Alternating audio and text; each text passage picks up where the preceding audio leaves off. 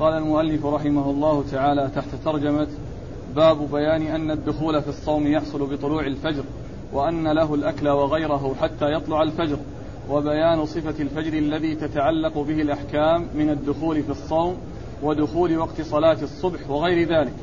قال حديث ابن عمر رضي الله عنهما أن رسول الله صلى الله عليه وآله وسلم قال إن بلالا يؤذن بليل. فكلوا واشربوا حتى ينادي ابن أم مكتوم. بسم الله الرحمن الرحيم. الحمد لله رب العالمين وصلى الله وسلم وبارك على عبده ورسوله نبينا محمد وعلى آله وأصحابه أجمعين. أما بعد فهذا الحديث حديث عبد الله بن عمر رضي الله تعالى عنهما يتعلق ببيان دخول وقت صلاة الفجر ودخول النهار الشرعي الذي هو بداية الصيام وهو طلوع الفجر الثاني الذي يحل صلاة الفجر ويحرم الأكل والشرب لمن يريد أن يصوم.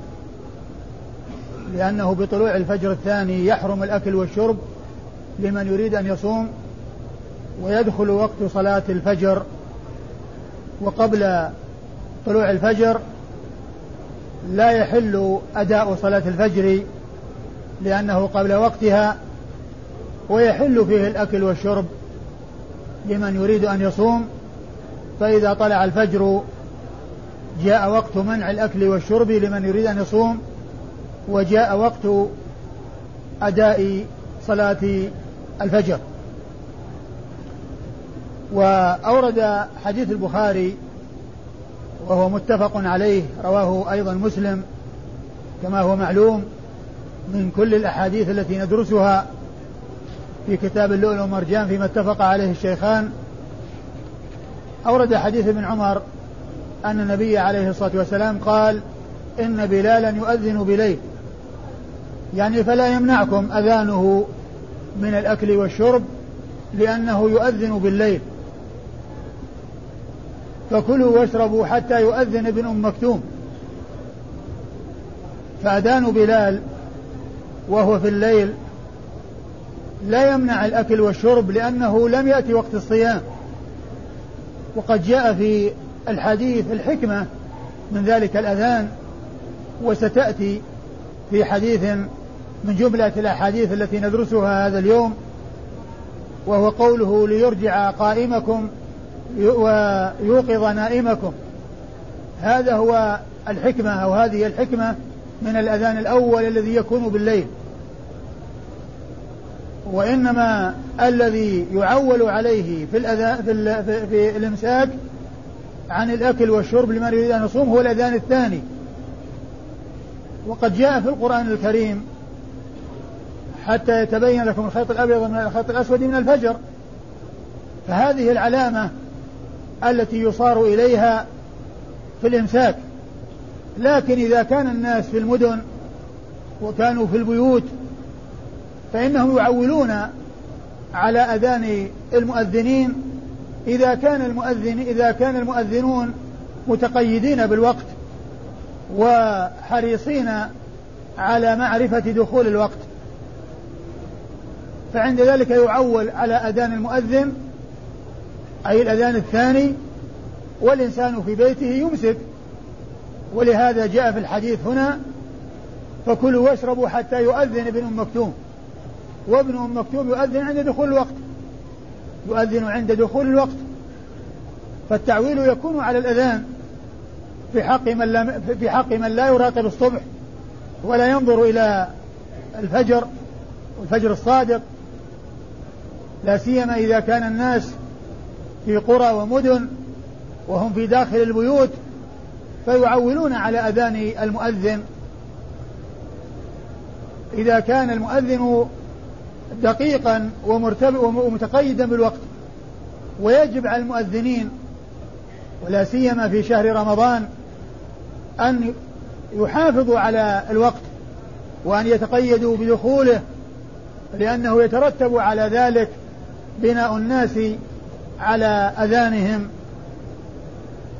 وعندما يحصل الأذان أي الأذان الثاني من المؤذن الذي يعتمد عليه في دخول الوقت فإنه يمسك عن الأكل والشرب. إلا إذا كان الإنسان قد بدأ بالشرب بشرب الماء فإن عليه أن يواصل حتى يقضي حاجته من الماء. أما إذا كان أذن المؤذن وهو لم يبدأ بالشرب فإنه لا يجوز له أن يشرب. وقد جاء في الحديث عن النبي عليه الصلاة والسلام إذا أذن المؤذن والإناء على يد أحدكم فلا يضعه حتى يقضي حاجته منه. إذا أذن المؤذن والإناء على يد أحدكم فلا يضعه حتى يقضي حاجته منه يعني أنه يواصل. وهذه من المسائل التي فيها جواز الاستدامة دون الابتداء.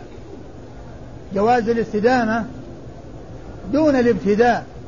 فيستديم الشيء الإنسان الشيء الذي هو مشتغل فيه ولكن لا يجوز له أن يبتدئ. وهي مسائل عديدة ذكرها ابن القيم في كتابه إعلام موقعين ومنها كون الإنسان إذا تطيب قبل أن يحرم والطيب عليه على جسده فإنه يستديمه. ولا يجوز له أن يبتدئ التطيب وهو محرم لكن يستديم الطيب الذي كان قبل الإحرام. فهذه مثل هذه.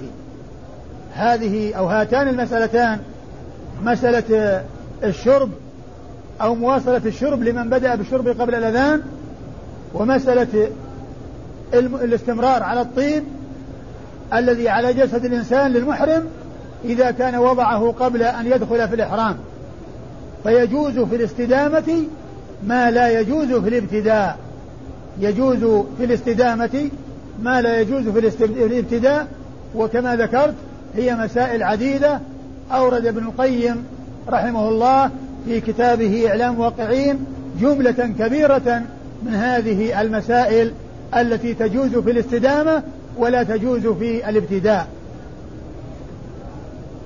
إذا قول النبي عليه الصلاة والسلام إن بلالا يؤذن بليل.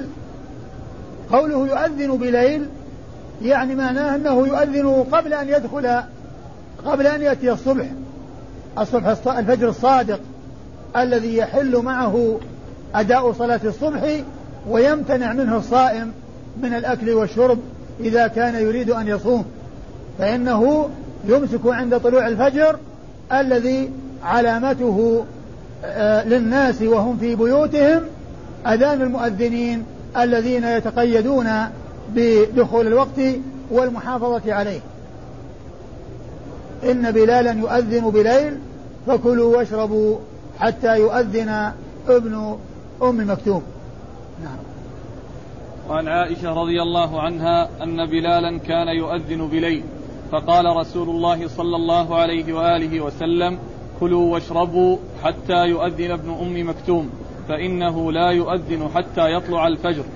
ثم أورد حديث البخاري عن عائشة رضي الله عنها أن بلالا كان يؤذن بليل فقال عليه الصلاة والسلام آه، موضحا للناس أن لا يمنعهم هذا الأذان من الأكل والشرب بل لهم أن يأكلوا ويشربوا إذا أرادوا أن يصوموا حتى يؤذن ابن أم مكتوم وابن أم مكتوم كان لا يؤذن إلا إذا طلع الصبح. يعني معناه إذا دخل وقت صلاة الفجر الذي تحل معها الصلاة يؤذن.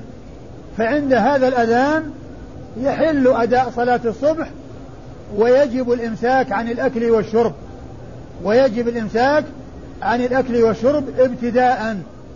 أما من يكون آه بدأ الشرب فإن له المواصلة فإن له المواصلة حتى يقضي حاجته من الشرب. وحديث عائشة رضي الله تعالى عنها مثل حديث عبد الله بن عمر إلا أن فيه زيادة إيضاح وهو أن ابن أم مكتوم لا يؤذن إلا إذا طلع الصبح فهو زيادة إيضاح وإلا فإن قوله حتى يؤذن ابن مكتوم آه، في الحديث الأول هو عند دخول الوقت لأنه نداء لأداء صلاة الصبح وأداء صلاة الصبح لا يحصل ولا يجوز إلا إذا طلع الفجر الذي هو أول وقتها لأن صلاة الفجر أول وقتها طلوع الفجر وآخره طلوع الشمس. وعن عبد الله بن مسعود رضي الله عنه عن النبي صلى الله عليه وآله وسلم أنه قال لا يمنعن أحدكم أو أحدا منكم أذان بلال من سحوره فإنه يؤذن أو ينادي بليل ليرجع قائمكم ولينبه نائمكم وليس له أن يقول الفجر أو الصبح وقال بأصابعه ورفعها إلى فوق وطأطأ إلى أسفل حتى يقول هكذا. ثم أورد حديث ابن مسعود رضي الله تعالى عنه وهو دال على ما دل عليه حديث ابن عمر وحديث عائشة المتقدمين في أن أذان بلال الذي هو في الليل لا يمنع من يريد أن يصوم من الأكل والشرب لا يمنع من السحور لا يمنع من تعاطي السحور لأنه بالليل. وأذانه لحكمة اللي هو الأذان الأول قد بينت في هذا الحديث وهي قوله عليه الصلاة والسلام ليرجع قائمكم وينبه نائمكم. ليرجع القائم الذي هو يتهجد في الليل ويصلي في الليل ليستريح فترة من الزمن حتى يتهيأ لصلاة الفجر. عندما يأتي الأذان الثاني وينبه وكذلك أيضا ليرجع من يكون يصلي إلى أن يتسحر إذا كان يريد أن يصوم لأنه علامة على قرب الوقت فيكون فيه إرجاع للقائم بحيث يتوقف عن القيام ويتوقف عن الصلاة ليستريح استعدادا لصلاة الفجر وكذلك أيضا ليتسحر إذا كان يريد أن يصوم وكذلك ينبه النائم حتى يتهيأ لصلاة الصبح. وإذا كان لم يوتر يوتر قبل أن يطلع الفجر وكذلك إذا كان عليه غسل يغتسل قبل أن يطلع الفجر حتى يكون متهيئا للصلاة وعند دخول وقتها ما ينشغل بعد دخول الوقت بالاغتسال ثم يتأخر عن الصلاة. فقد بين عليه الصلاة والسلام في حديث ابن مسعود هذا الحكمة من الأذان الأول الذي يكون في الليل وهو إرجاع القائم وتنبيه النائم. إرجاع القائم وتنبيه النائم. هذه الحكمة قد بينها الرسول الكريم عليه أفضل الصلاة والتسليم في هذا الحديث. وقد قال لا يمنع أن أحدكم أذان بلال من سحوره بل عليه أن بل له أن يأكل. بل له أن يأكل. لأن هذا أذان بالليل وليس أذان بالنهار أو عند دخول النهار بل هو أذان بالليل. ولهذا جاء فإنه يؤذن بليل. والليل ليس محلا للصيام وإنما محل الصيام النهار. فلكم أن تأكلوا ولكم أن تشربوا. فقد بين عليه الصلاة والسلام في هذا الحديث ما بينه في حديث ابن عمر وحديث عائشة المتقدمين من بيان آه، آه، آه، الرخصة والإذن في الأكل والشرب إلى طلوع الفجر أو إلى الأذان الثاني الذي هو أذان ابن مكتوم الذي يكون عند دخول الصبح. ثم بين عليه الصلاة والسلام أيضا ما يدل على علامة دخول الوقت وهي أنه ليس ليس ليس إيش؟ ليس أن يقول قال وليس له أن يقول الفجر أو الصبح وقال بأصابعه ورفعها إلى فوق وطأطأ إلى أسفل حتى يقول هكذا. وليس له أي الإنسان أن يقول الصبح هكذا ورفع يعني آه، أصابعه ثم طأطأها يعني يشير إلى الفجر الكاذب. الذي هو ضياء يظهر مستطيلا في الأفق ثم يتلاشى ويأتي بعده الضياء المعترض الذي هو الفجر الصادق. ليس الفجر أن يكون أن يقول هكذا يعني يشير إليها ثم يطأطئها يعني معناه أنه مستطيل في الأفق وإنما هكذا يعني يأتي معترضا في الأفق مثل الخيط ثم يتزايد حتى تطلع الشمس. بخلاف الذي يكون مستطيلا في الأفق الذي يكون مستطيلا في الأفق فإنه يتلاشى ويضمحل ولا يأتي بعده ضياء يأتي بعده آآ آآ الضوء الشديد بل يتلاشى ويضمحل ويأتي الضياء المعترض في الأفق الذي يتزايد شيئا فشيئا حتى تطلع الشمس. فقد بين عليه الصلاة والسلام في هذا الحديث إلى أن ليس للإنسان أن يقول أن هذا الضياء الذي يكون مستطيلا في الأفق أنه هو الذي يكون عنده الإمساك وإنما أن يقول هكذا. والمقصود بالقول هنا الفعل والقول يأتي أحيانا يراد به الفعل وهذا من إطلاق القول مرادا به الفعل يعني أن يفعل هكذا. يعني ليس له أن يقول هكذا ويقول يعني معناه أنه طلع الصبح وإنما المراد الذي يكون هكذا أي معترضا في الأفق هذا هو الذي يكون عنده الإمساك عن الأكل والشرب ودخول وقت صلاة الصبح. فقد بين عليه الصلاة والسلام في هذه الأحاديث وفي غيرها دخول وقت صلاة الفجر والإمساك عن الأكل والشرب لمن يريد أن يصوم وهو آه، طلوع الفجر الثاني الذي يكون عنده الأذان لصلاة الصبح. باب فضل السحور وتأكيد استحبابه واستحباب تأخيره وتعجيل الفطر عن أنس بن مالك رضي الله عنه أنه قال قال النبي صلى الله عليه وآله وسلم تسحروا فإن في السحور بركة ثم أورد حديث آه حديث أنس. حديث أنس بن مالك رضي الله عنه المتعلق بالسحور وهو أن وهو أمر النبي عليه الصلاة والسلام وحثه على تعاطي السحور وذلك بقوله إن فيه بركة وهذا الأمر ليس للإيجاب بمعنى أن الإنسان لو لم يحصل من التسحر يأثم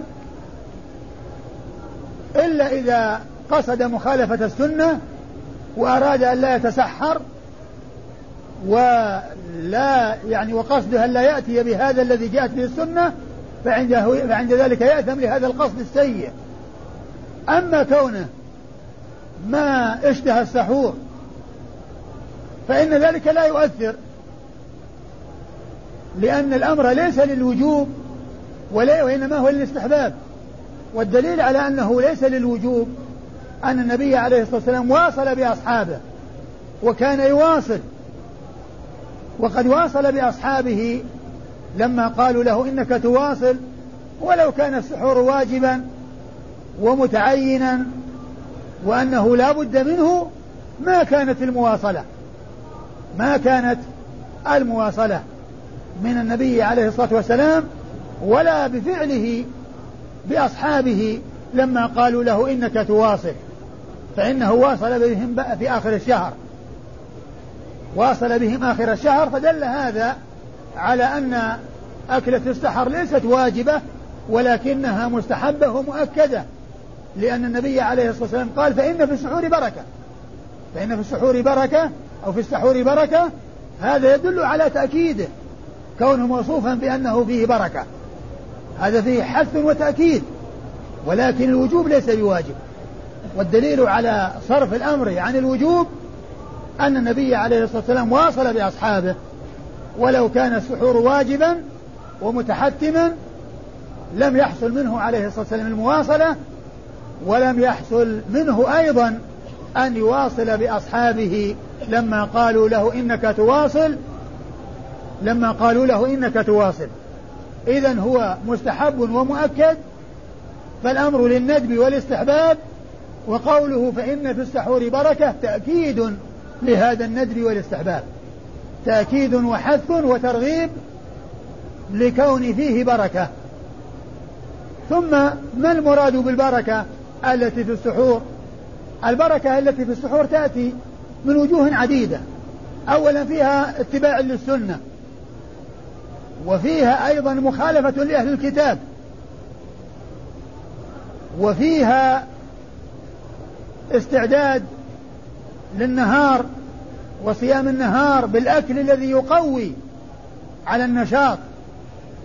بخلاف الإنسان إذا لم يتسحر فإنه يترتب على ذلك أنه يطول عليه الإمساك فيترتب على ذلك أن يكون عنده ضعف يؤدي به إلى الكسل والخمول وقد لا يؤدي أمورا واجبة عليه بسبب هذا الضعف والكسل الذي جاء نتيجة لمواصلة الصيام وإضافة جزء من الليل أو إضافة الليل إلى النهار فيترتب على ذلك الضعف الذي يؤدي إلى الإخلال بالحقوق الواجبة والأمور المطلوبة من الإنسان في حال صيامه بحيث يجهده آه، آآ آه، الجوع والعطش فيكون عنده كسل وخمول يمنعه من لا يكون معه النشاط الذي يتمكن معه من أداء الأمور التي عليه أن يؤديها. فهذه كلها أمور تتعلق ببركة السحور. والسحور يأتي بفتح السين وبضمها. فإذا قيل السحور بفتحها فالمراد به الطعام الذي يؤكل أو الذي يعد للتسحر لمن يريد أن يصوم وهو الأكل في السحر الذي هو آخر الليل. أكلة السحر هي السحور. فالطعام الذي يهيأ يقال له سحور والأكل بالفعل يقال له سحور. يقال له سحور. وهناك كلمات عديدة هي من هذا القبيل. إذا فتح على وزن على وزن السحور في حال الفتح يراد به الشيء الذي يهيأ وفي حال الضم يراد به الفعل. وهذا مثل الطهور والوضوء فإن الوضوء اسم للماء الذي يتوضأ به والوضوء اسم لاستعمال الماء في الوضوء. كل إنسان يغسل وجهه هذا قال له وضوء والماء الذي في الإناء يتوضأ منه يقال له وضوء.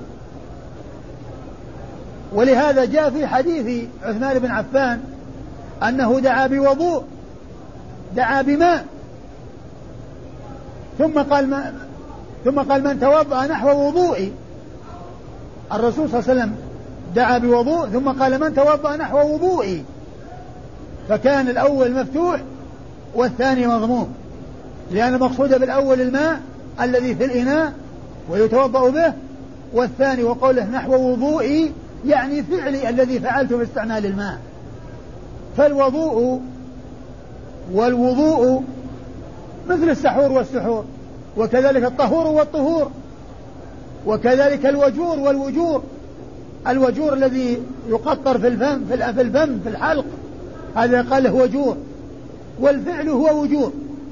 وكذلك السعوط الذي يستصعد في الأنف الشيء الذي يستصعد هذا يقال السعوط وشمه وجذبه حتى يدخل هذا يقال السعوط فهي كلمات على وزن واحد في حال الفتح يراد بها ما يستعمل وفي حال الضم يراد بها الاستعمال. تسحروا فإن في السحور بركة أو في السحور بركة. يعني الطعام الذي آه الذي يعد فيه بركة والتسحر فيه بركة. والتسحر فيه بركة. تسحروا فإن في السحور بركة وقد عرفنا آه الحكمة أو المراد بالبركة وأنها تأتي من وجوه عديدة. نعم. وعن زيد بن ثابت عن أنس رضي الله عنهما أن زيد بن ثابت حدثه أنهم تسحروا مع النبي صلى الله عليه وآله وسلم ثم قاموا إلى الصلاة. قلت كم بينهما؟ قال قدر خمسين أو ستين يعني آية. ثم ورد حديث زيد بن ثابت رضي الله تعالى عنه الذي فيه أنه تسحر مع النبي عليه الصلاة والسلام ثم قام إلى الصلاة. قلت كم؟ قال أنس لزيد كم كان بين الأذان؟ كم كان بينهما؟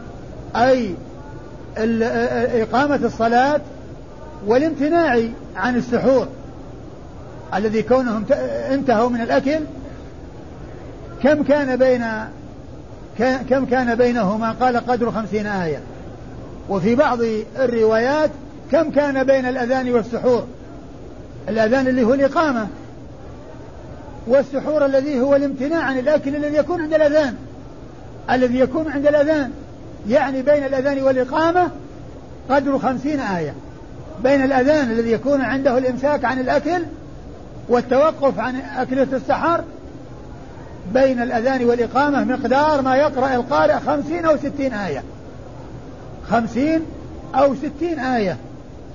وهذه وتحمل الآيات لأن الآيات فيها الطويل وفيها القصير والقراءة فيها السريعة وفيها البطيئة فيحمل ذلك على المتوسط في القراءة يعني ليست بالسريعة ولا البطيئة وليست آه ليست القراءة السريعة ولا البطيئة ولا الآية الطويلة ولا القصيرة بل الآيات متوسطة والقراءة متوسطة. هذا هو المقصود الذي يراد في التقدير الذي يراد في تقدير القراءة. وفي آه وفي الحديث دليل على أنه كانوا يقدرون الزمن بالوقت بالعمل. يقدرون الأزمان بالعمل. يقدرونه بالعمل لأنه هنا قدر الوقت الذي بين الأذان والإقامة في صلاة الصبح بقراءة خمسين آية. والعرب كانوا يقدرون ذلك بالأعمال. فيقولون قدر حلب, حلب شاة. قدر حلب شاة. أو قدر نحر جزور. إذا كان الوقت أطول يقولون مقدار نحر جزور. ولما كان أصحاب رسول الله عليه الصلاة والسلام مشتغلين بالقرآن وبقراءة القرآن لا سيما في هذا الوقت الذي هو بين الأذان والإقامة قدر ذلك بفعلهم. وهو قراءة قدر وقراءة قراءة خمسين آية يعني من الأذان إلى الإقامة. قال أنس قلت لزيد كم كان بينهما؟ أي بين التسحر والانتهاء من السحور وبين القيام للصلاة اللي هو الإقامة؟ قال قدر خمسين آية أو ستين آية. يعني في هذا الحدود. يعني ستين أو خمسين آية في هذا المقدار. ثم في الحديث دليل على أن أنه يجوز المشي في الليل للحاجة. لأن زيد رضي الله عنه كان لم يبت عند النبي صلى الله عليه وسلم وإنما جاء يمشي في آخر الليل ليتسحر مع الرسول عليه الصلاة والسلام. وفي حسن الأدب في العبارة لأن زيدا رضي الله عنه قال تسحرنا مع رسول الله. ما قال تسحرت أنا ورسول الله صلى الله عليه وسلم؟ لأن التعبير بمع يشعر بالتبعية وأنه تابع للرسول صلى الله عليه وسلم. وأنه مع الرسول عليه الصلاة والسلام بخلاف قول نحن وفلان أو أنا وإياه فإن هذه آه ليس فيها حسن الأدب الذي يكون في هذه العبارة التي جاءت في حديث زيد بن ثابت وهي أنه قد تسحرنا مع الرسول صلى الله عليه وسلم. إيش لفظ الحديث؟ إيش لفظه؟ عن زيد بن ثابت عن أنس أن زيد بن ثابت حدثه أنهم تسحروا مع النبي صلى الله عليه وآله وسلم ثم قاموا إلى الصلاة. أنهم تسحروا مع النبي صلى الله عليه وسلم ثم قاموا إلى الصلاة. فالتعبير بمع فيه حسن الأدب في العبارة. ثم أيضا فيه الاجتماع للسحور. وذلك أن النبي عليه الصلاة والسلام تسحر هو زيد بن ثابت. تسحر هو زيد بن ثابت ففيه الاجتماع للسحور والاجتماع للأكل لأكلة السحر. وقد جاء في بعض الأحاديث أن النبي عليه الصلاة والسلام كان يبحث أو يرسل من يب من من يأتي بأحد يتسحر معه عليه الصلاة والسلام. فالحديث يدل على الاجتماع لأكلة السحر وكذلك أيضا يدل على حسن الأدب في العبارة ويدل على تقدير الوقت بالأفعال.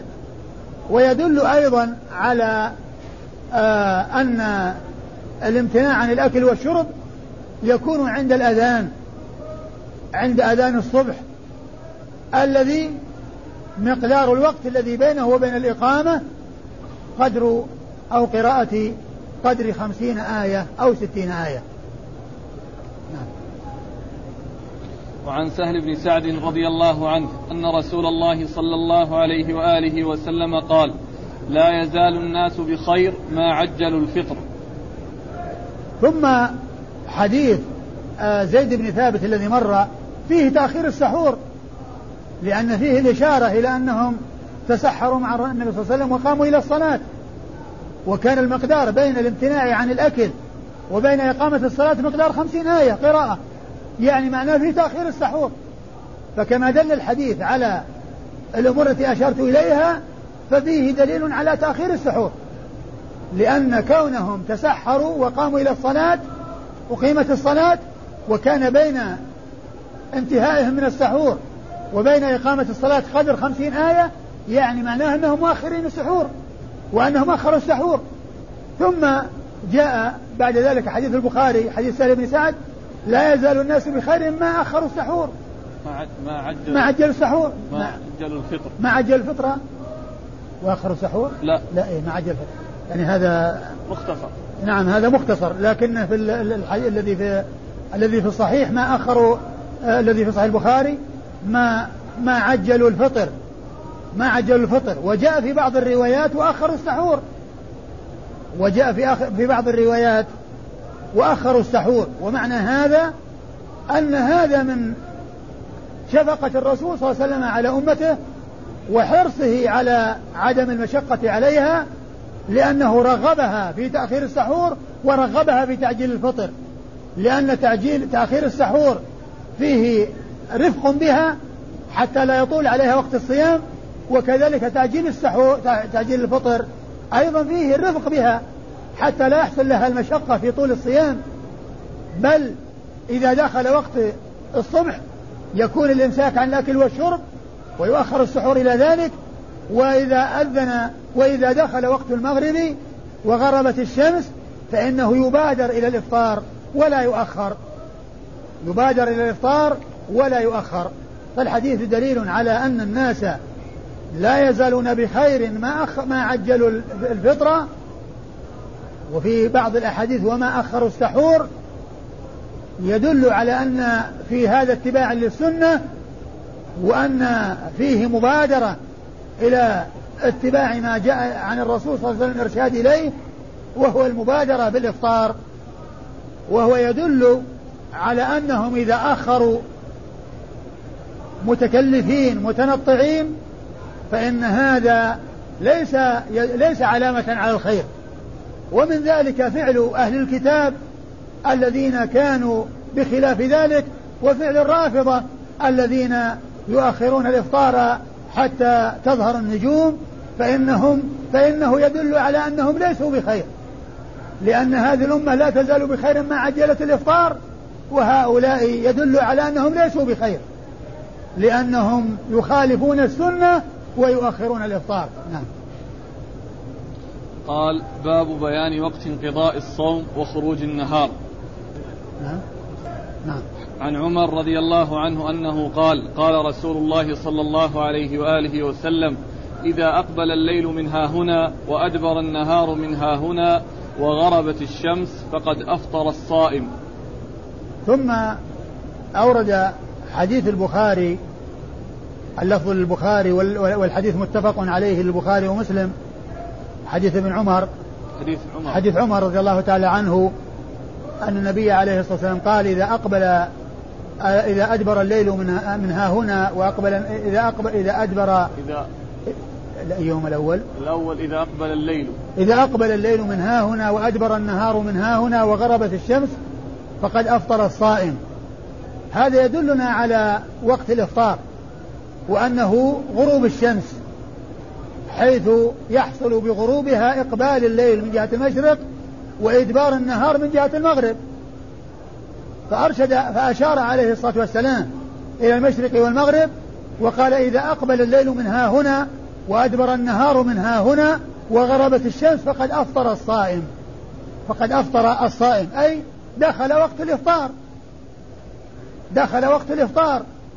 وليس معنى ذلك أنه بمجرد ما تغرب الشمس يوجد الإفطار لأن الرسول صلى الله عليه وسلم كان يواصل وكان ولا يكون مفطرا في مجرد غروب الشمس لأنه كان يواصل عليه الصلاة والسلام الصيام.